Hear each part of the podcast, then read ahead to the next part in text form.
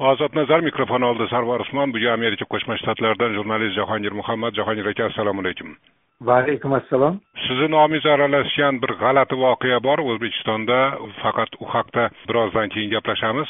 Hozir amerika qo'shma shtatlari koronavirus mavzuida ikkita yangilik bor. Biri yaxshi yangilik ikkinchisi yomon yangilik. Qaysinisidan boshlaylik? Istaganingizdan yaxshisidan boshlaylik. Har bir amerikalikka bir ming ikki yuz dollardan beriladigan bo'lyapti. Oldingi safarini siz oldingizmi? Sizni oilangiz oldimi o'sha pulni? Ha oldik oldik. E, o'sha paytda o'zida olgan edik. Hozirgisi endi yana bir trillion ajratilyapti bugungacha kongressda qattiq haligi muzokaralar borayotgan edi lekin o'sha paketni kecha kechqurun tugatishdi. Va endi ishlamayotganlarga ilgari haftasiga olti yuz dollar qo'shib berayotgan edi. E, chunki mana ishda biror joyda ishlamasa ishdan chiqsa ishsizlikka yoziladida. Hmm. e, deylik e, bundan ikki yil oldin bir yarim million odam ishsizlikka yozilgan bo'lsa hozir besh olti million bo'lib ketgan. Shularga odatda shtatlar yordam qilardi. Boyagi ishsizlik puli to'lar edi u endi besh yuz dollar atrofida haftasiga bo'lardi. Mana shu besh yuzni ustiga o'tgan safar federal hukumat olti yuz qo'shib bergan edi. Hozir endi shuni to'rt yuzga tushirdi. Ya'ni endi ming olmaydi to'qqiz yuz oladigan bo'ldi ular. Baribir ishsizlarga e, juda katta yordam. Undan tashqari butun amerikada hammaga bir ming ikki yuz dollardan endi bolalarga yana qo'shib beradi. E, keyin endi bu bir ming ikki yuzni ko'p daromadli oilalardan boshqalardan hisoblaydi bunday. Ozgina e, kamaytirishi mumkin. O'tgan yillardagi daromadingiz juda yam katta bo'lgan bo'lsa ozgina o'shandan kamaytirishi mumkin. Mana shunday nima ammo lekin e, boshqa sohalarga ham juda juda katta e, pullar beryapti. Masalan deylik sug'urta sohasiga hozircha katta pul ajratdi. Ya'ni odamlar mana shu kasallik bilan kasalxonaga tushganda uni sug'urtasi bo'lsa o'sha sug'urta to'la qoplaydi va keyin agar qoplay olmaganda hukumatni o'zidan oladi. Ya'ni o'sha e, davolashni bepulga tushirish nimasi bu. Oldin ham shunday qilgan edi. Kecha yigirma yettinchi iyulda respublikachi deputatlar kongressga o'sha yangi loyihani bir ming ikki yuzlikni taqdim qilish kerak edi. Kongress ma'qullik berdimi? Kelishdi bular. Hozir ikkalasi kelishdi endi bugun e, buni nima qilib ovozga qo'yishadi? Chunki o'ttiz birinchi iyulda oldingi e, yordam muddati tugaydi. Hmm. shuning uchun ham e, buni birinchi cheslodan qilib ya'ni birinchi avgustdan qilib kuchga kirgizishadi. Demak bugun ertaga ovozga qo'yilsa keyin prezidentga olib boriladi shu kunga yetkazib boriladi. Ammo lekin kelishdi bular. Gap shunda bular kelishsa ovoz bo'laveradi. Keyin mayda chuyda narsalar qo'shiladi. Ammo lekin prinsipda kelishdi chunki tramp aytayotgan ediki yordamni pechek deydi ya'ni e, mehnat haqqi olinadigan chekni da taksni qisqartirishdan beraylik degan masalada tramp juda mahkam turgan edi. Lekin respublikachilar ham bunga qarshi chiqdi o'zlari ham. Tramp ham keyin qabul qildida hozirgi variantda bular endi e, kelishdilar hozir. Jahongir aka bir ming ikki yuz dollar amerika sharoitida juda katta pul emas lekin bir ming ikki yuz dollar amerikada ham bir ming ikki yuz dollarda. Albatta bir ming ikki yuz dollar bu yerda ham katta pul oilaga berganda u bitta oilaga bermayaptida oilada ikki kishi bo'lsa ikki kishiga beryapti. Yana bolalariga bo'lsa ikki ming to'rt yuz bo'ladi. Ha bolalariga bo'lsa olti yuzdan har bir bolani boshiga qo'shib beryapti.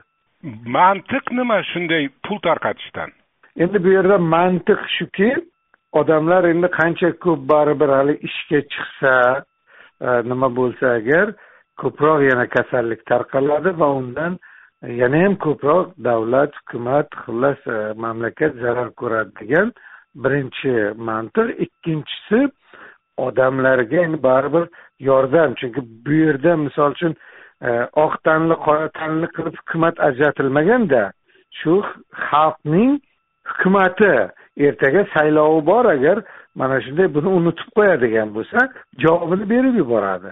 Shuning uchun ham ular harakat qiladiki shu xalqqa xizmat qilaylik shu xalq mana shunday og'ir paytda bu yuz yilda ikki yuz yilda bir bo'ladigan e, nima shunday paytda yomon ahvolga tushib qolmasin nonga zor bo'lmasin E, deylik ya'ni uy joyida ko'chaga chiqib qolmasin qarzlarini vaqtida to'lasin boshqa bo'lsin degan e, mana shunday maqsadlar bor. Qolaversa kongressmenlar senatorlar hammasi shu xalqni vakillari ular har kun borib uchrashadi ular bilan.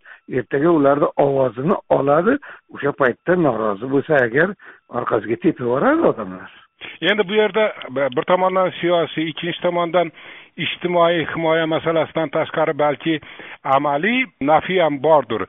Odamlarda pul bo'lsa o'sha pulni sarflaydi. Ekonomika ham ishlab ketadi bu ham to'ppa to'g'ri turadi degan narsa ham bo'lsa kerak. O'zi ishlayapti mana ko'ryapsiz agar fondlar birjasiga qarasangiz amerikaniki orada bir tushib ketsa ham asosan o'sha ilgarigi koronavirus bo'lmagan paytdagi nuqtada turibdi yigirma olti mingdan yuqorida turibdi E, birjani ko'rsatkichi ozgina ozgina ba'zan tushadi lekin yana chiqadi.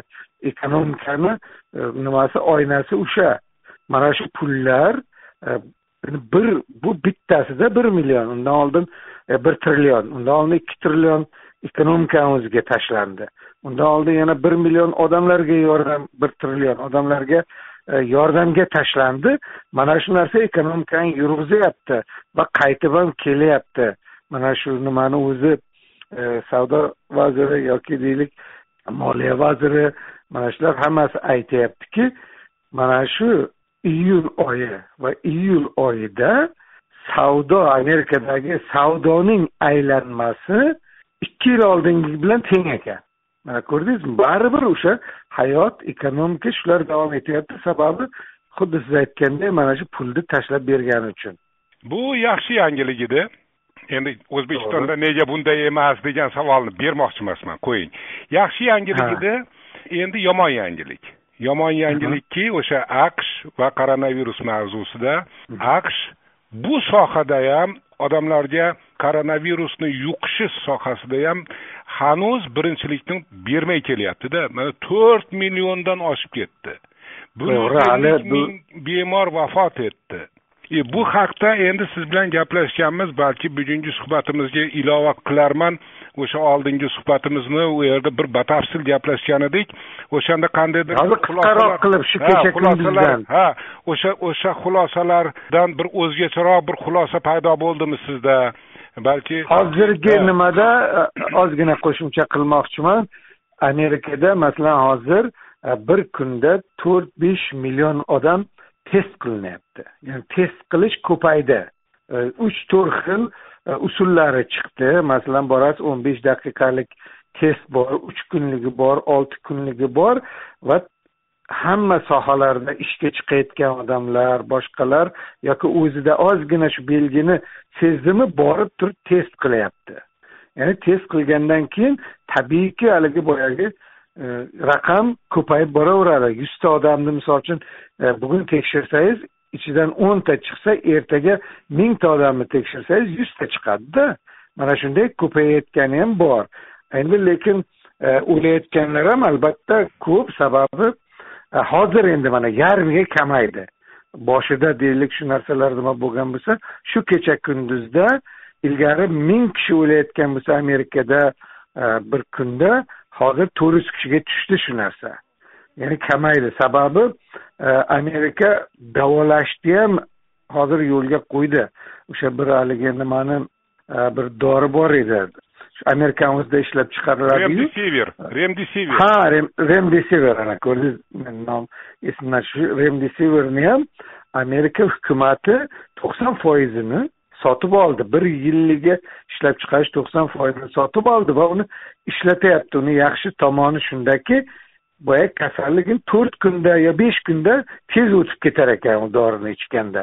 Bu haqda tunov kuni tramp bayonot berdi. Qarangda amerika kasallik soni bo'yicha yetakchi bo'lib qolayotganida demokratlar trampni ayblashyaptida. Ularni fikricha tramp o'z vaqtida chora ko'rmagan bee'tibor bo'lgan qattiqqo'llik qilmagan degan gap. Shu qo'shilasizmi shunday fikrlarga meni birinchidan e, boshida haqiqatdan ham bee'tibor bo'ldi. Chunki o'n besh o'n beshta odam ekan hech narsa bo'lmaydi bizga yuqmaydi falon falon degan gaplar prezidentni og'zidan chiqdi boshida.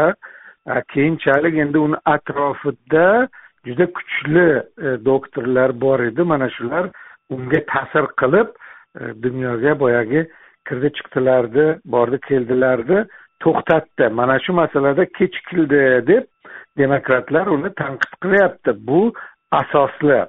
Lekin e, tramp keyingi paytlarda ancha ancha va ancha o'zini o'nglab oldi. Qolaversa demokratlarni tanqidida ham bittasi to'g'riroq bo'lsa ikkinchisi saylov oldi. Saylov oldida baribir e, hozir xalqqa yoqadigani shu masala.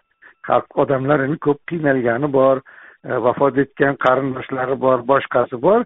Olib borib endi shuni e, trampga agar taqasa e, ta'siri bo'ladi deyishyapti. Ammo lekin menimcha bugun e, o'sha trampning tarafdorlari va hatto demokratlarni ichida ham hukumatni odimlarini to'g'ri deyayotganlar ham anchagina. Endi boya aytdim shu o'zbekistondagi bir g'alati voqeaga nomingiz aralashib qoldi. G'alati voqea deyapman. Mojaro degan so'zni ishlatmayapman chunki mojaroni o'zi yo'q. Lekin meni tushunishimcha mojaro bo'lishi kerakda lekin hech qanday mojaro yo'q. O'sha adabiyot gazetasining soxta soni chiqqani bilan bog'liq g'alati voqea. Sizni aralashtirganim bu mavzuga chunki siz haqingizda ham maqola bosilgan u yerda. Imkoningiz bo'lgandir o'qishga o'sha maqolani? Ha o'qidim o'qidim menga ham yetib keldi o'qidim nimalar deyilgan uni telegramda kelgan suratidan bir o'qish imkonim bo'lmadi siz o'qibsiz mana nima deyilgan siz haqingizda u yerda endi bilasizmi bir paytlar amerikadan sssrga borgan bir jurnalist pravda gazetasiga borganda bosh maqola yozilish nimasini ko'rganda qanday tartibda yoziladi?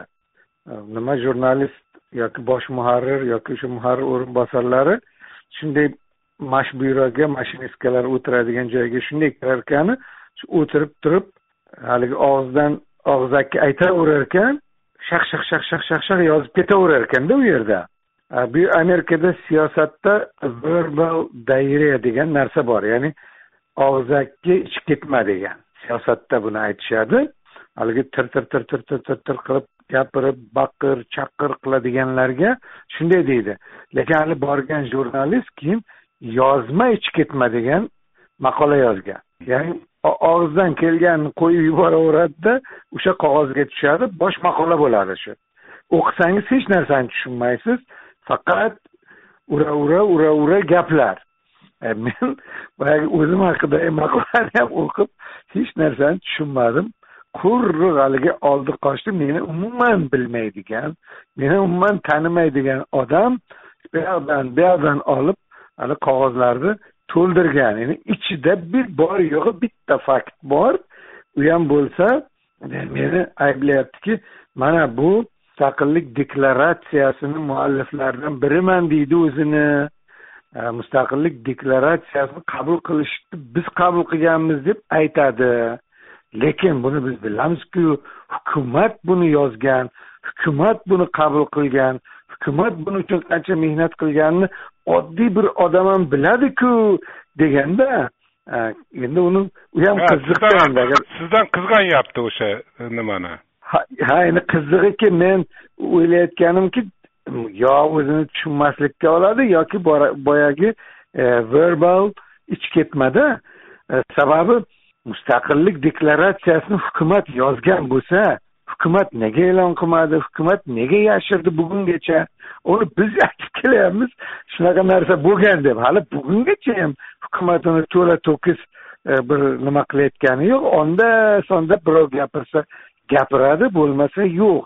Mana shunday bir nimalar endi bu yerda bilasizmi? Asosiy gap menimcha e, bu yangi tuzilayotgan tuzilmoqchi bo'lgan deylik. Anavi haqiqat va taraqqiyot. nomini ham taraqqiyot. nomini yaxshi bilmayman. Shu partiyadan qo'rqib qolishgani. Aslida bilasizmi bizda shunaqangi bir harakatlar boshqa bo'lsa chetda kimlargadir bog'lash kerak. Bu sovet davrida ham bo'lgan ko'p narsalarni boymirzaevlarga boshqalarga bog'lashgan hatto shu katta katta maqolalar yozib E, gazetalarda chop etishgan keyinchalik ham karimov davrida ham ko'rdik. Faqat chetdagilarga e, bog'lashardi. Endi bu partiyani ham e, men bir ikki marta o'zbekistonda qaniki shunaqa partiyalar tuzilsa bu yaxshi ofarin mana shunday shunday dedim. Buni endi o'sha menga bog'lash niyati va meni mana shunday yomon ko'rsatish va bu yomon odamning g'oyasi degan bir narsani nima qilishmoqchi bo'lishgan. Jahongir aka jahongir aka tinglovchidan uzr so'rayman va tinglovchiga aytib qo'yishim kerak. E, agar birdan eshitishni boshlagan bo'lsa gap nima haqida ketayotganligini tushunmayotgan bo'lishi mumkin. E, o'zbekistonda uch yildan beri adabiyot gazetasi chiqadi. Uni baxtiyor karim degan jurnalist chiqaradi oltmish ikki yoshda. U kishi yaqinda qirq bir kun koronavirus karantin lagerlarida saqlanib chiqqaniga bir hafta yo bo'ldi yo bo'lmadi va yigirma to'rtinchi iyul kuni adabiyot gazetasini baxtiyor karimni adabiyot gazetasining yangi soni chiqqan va baxtiyor karimni aytishicha bu songa uning hech qanday aloqasi yo'q qandaydir noma'lum shaxslar chiqargan. Buni tinglovchiga tushunishi uchun aytyapman va o'sha sonda hozirgi suhbatdoshim Э, jahongir muhammad to'g'risida ham maqola bosilgan va o'sha maqolani o'qiganini va u yerda nimalar yozilganini hozir mana jahongir aka aytib berdi. Endi jahongir aka sizga savol. Men bunday voqea bo'lganini eslashga harakat qilyapman eslolmayapman. U yoki bu gazetaning soxta sonini uning bosh muharririsiz chiqarilib yuborilganini hech eslolmayapmanda. Qandaydir bir reyder ishg'oli degan narsalar bo'ladi redaksiyaniga borib o'tirib oladi pechatni ushlab oladi seyfini kalitini oladi. Lekin butun boshli bir sonni chop qilishi g'alatida yoki yoki sizga g'alati ko'rinmayaptimi?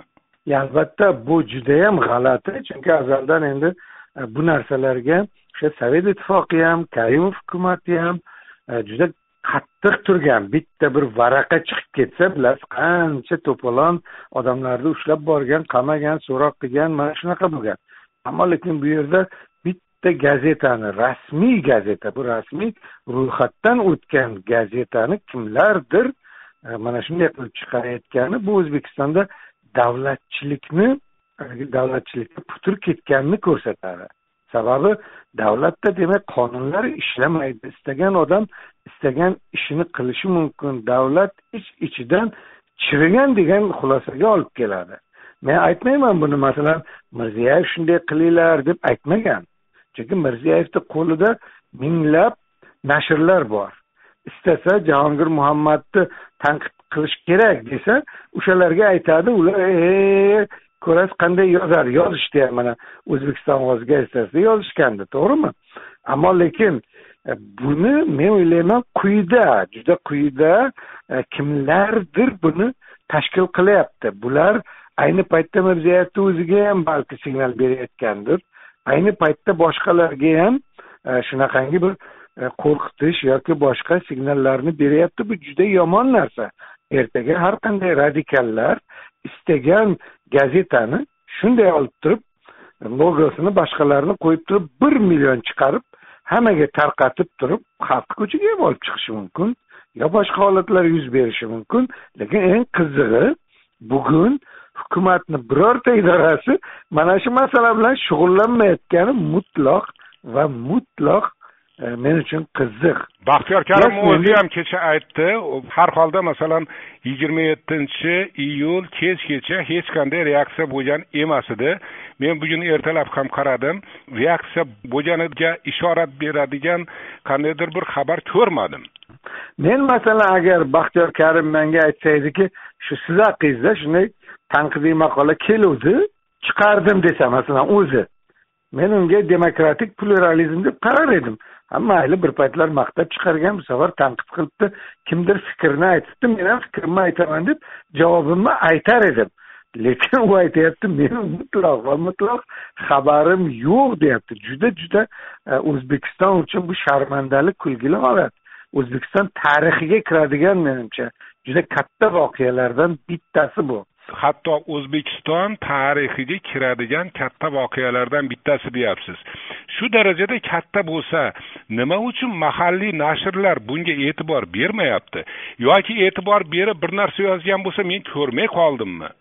Yo'q hech narsa yozgan ham yo'q e'tibor ham berayotgani yo'q. Nega? biz e, men bugungacha ham aytib kelganman o'zbekistonda matbuot erkinligi to'la yo'q. Hali berilgan darajada boyagi tuynukchadan nariyog'iga o'tolmaysan degan o'sha tuynukchadan kichkina barmoqchasi sig'adimi tamom o'sha darajada. Undan yuqoriga e, narsalarga aralasha olmaydi bular umuman jurnalistlar ham boshqasi ham endi ko'ryapmizku tanqid yozadi boshqa qiladi tepadan ruxsat berilgan darajada. Kimdir boshqaryaptimi yoki bosh muharrirlarni intuitsiyasi darajasida hal bo'ladigan masalami bu?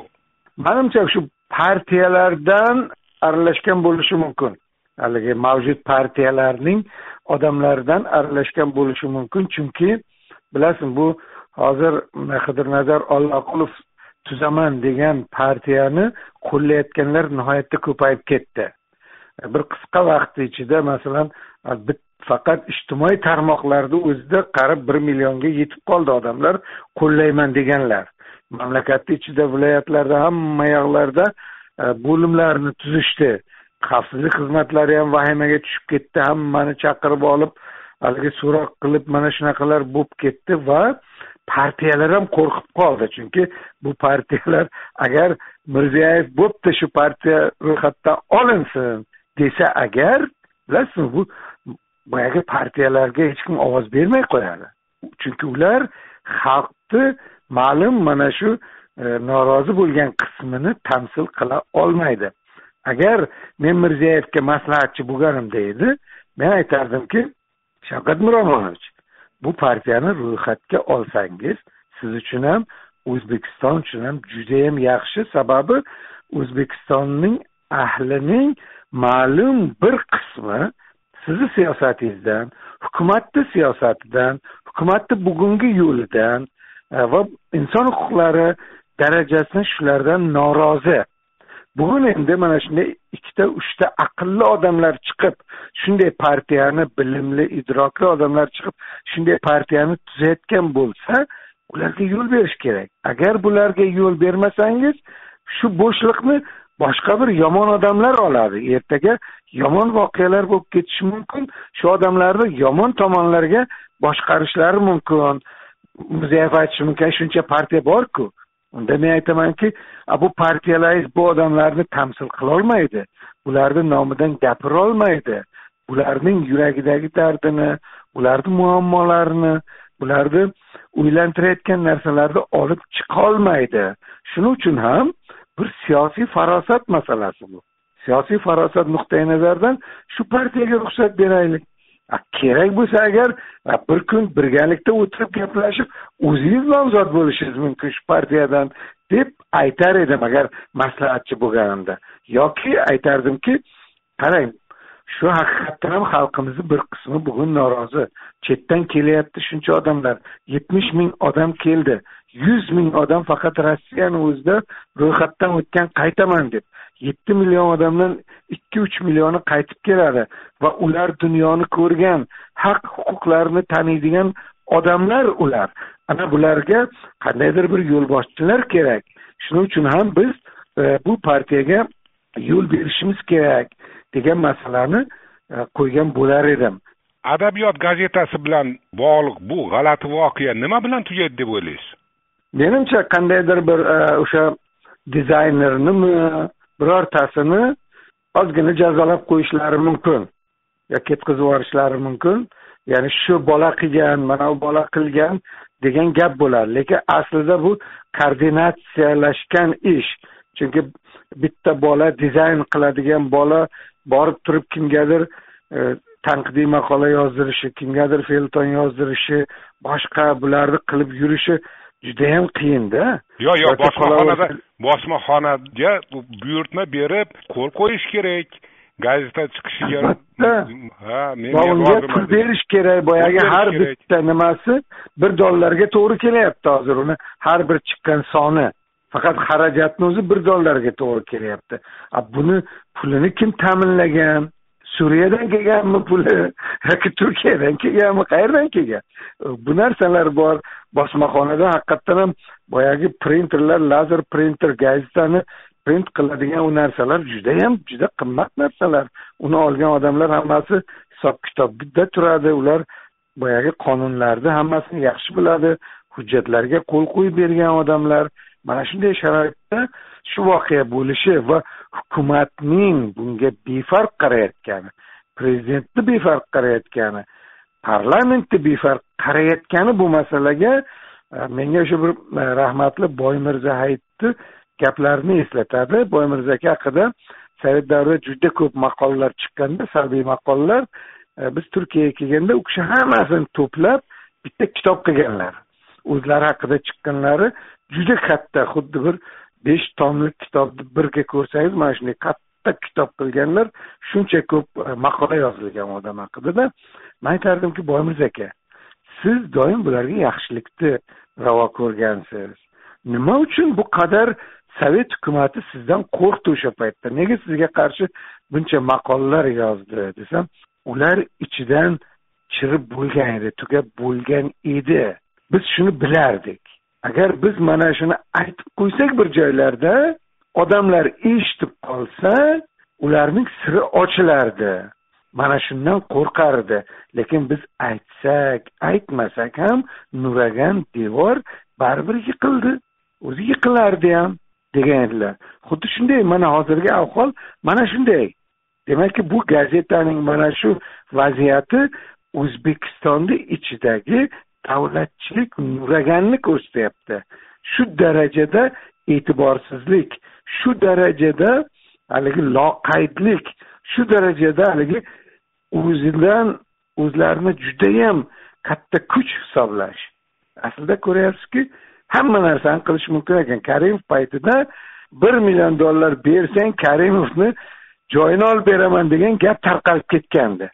Endi bugun demak shu narsa davom etayotgan ekan. Demakki mirziyoyevni ham ertaga e, nusxasini yaratish mumkin. E, parlamentni ham nusxasini yaratish mumkin. Xalq so'zini ham hammasini qilish mumkin ekanda o'zbekistonda. O'zbekistonda demak shaharning darvozasi yo'q ekan. Tamom amerika qo'shma shtatlaridan jurnalist jahongir muhammad edi. Rahmat sizga. Katta rahmat sizga ham. Sog' bo'ling